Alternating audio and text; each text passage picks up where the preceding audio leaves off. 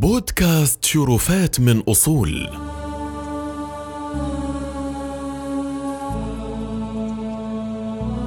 ارتكزت هذه الحلقة على مقالة للكاتب بدر الثوعي.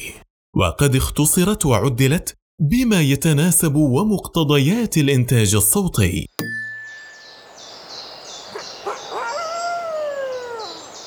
احذر ذئب اللحظة المناسبة. لست مسنا بما يكفي لبث حكم عن الحياة وطبيعتها ولا أشعر برغبة هذه الأيام في الثرثرة لكن شيئا ما يدفعني إلى أن أقول درسا تعلمته في حياتي. الحياة متعبة مزدحمة ومستعجلة كما لو أنها سباق. جميع من فيها يتطلعون إلى المقدمة فيجرون ويجرون دون ما كلل أو ملل.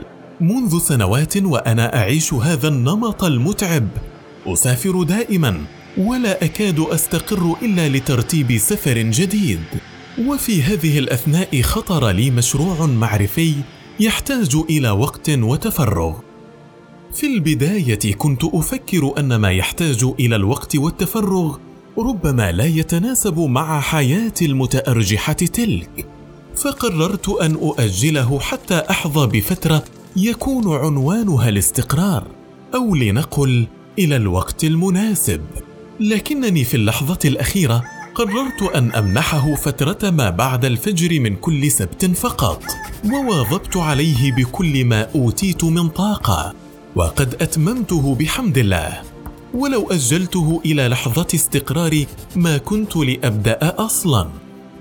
أود لو أحفر في قلب كل صديق هنا بالا تعلق قلبك بوهم نقطة التحول ألا تؤجل سعادتك أحلامك مشاعرك بانتظار سراب اللحظة المناسبة. فالأيام عجلة دائرية تتدحرج برتابة حتى تقضي دورتها. ولن تسمح لحلمك باصطياد زاوية هادئة في محيطها المتواصل بخط منحني. وإذا ظللت تنتظر لحظة مناسبة تنتهي فيها أشغالك وتصفو لك ساعاتك فأحسن الله عزاءك في حلمك.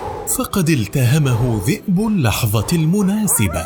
إذا كنت ترقب حتى الآن لحظة صافية لتقول لأبيك أو أمك أو صديقك أحبك أو أنت نعمة فصدقني لن تأتي هذه اللحظة وأرجو ألا تتذكر كلماتي هذه. بعد فوات الأوان. حدثني كثير من الأصدقاء بأنهم كانوا يحلمون بزواج أو وظيفة أو شيء آخر مما يعد أحد مباهج الحياة فما إن أتت حتى شعروا بخيبة أمل قاسية. العيب ليس في الزواج أو الوظيفة بل العيب في تحميل هذه اللحظات عبء أحلامنا كلها. والنظر إليها على أنها لحظات يا نصيبية ستنقلنا فجأة إلى السعادة الكلية. أرجوكم توقفوا عن عد الحياة مسرحا يرتفع فيه الستار وتطل أحلامنا فجأة لتقول هيا عانقوني كونوا فاعلين تحكموا بستار حياتكم فافتحوه أو أغلقوه بأنفسكم. ولا تنتظروا ما تظنونه اللحظة المناسبة.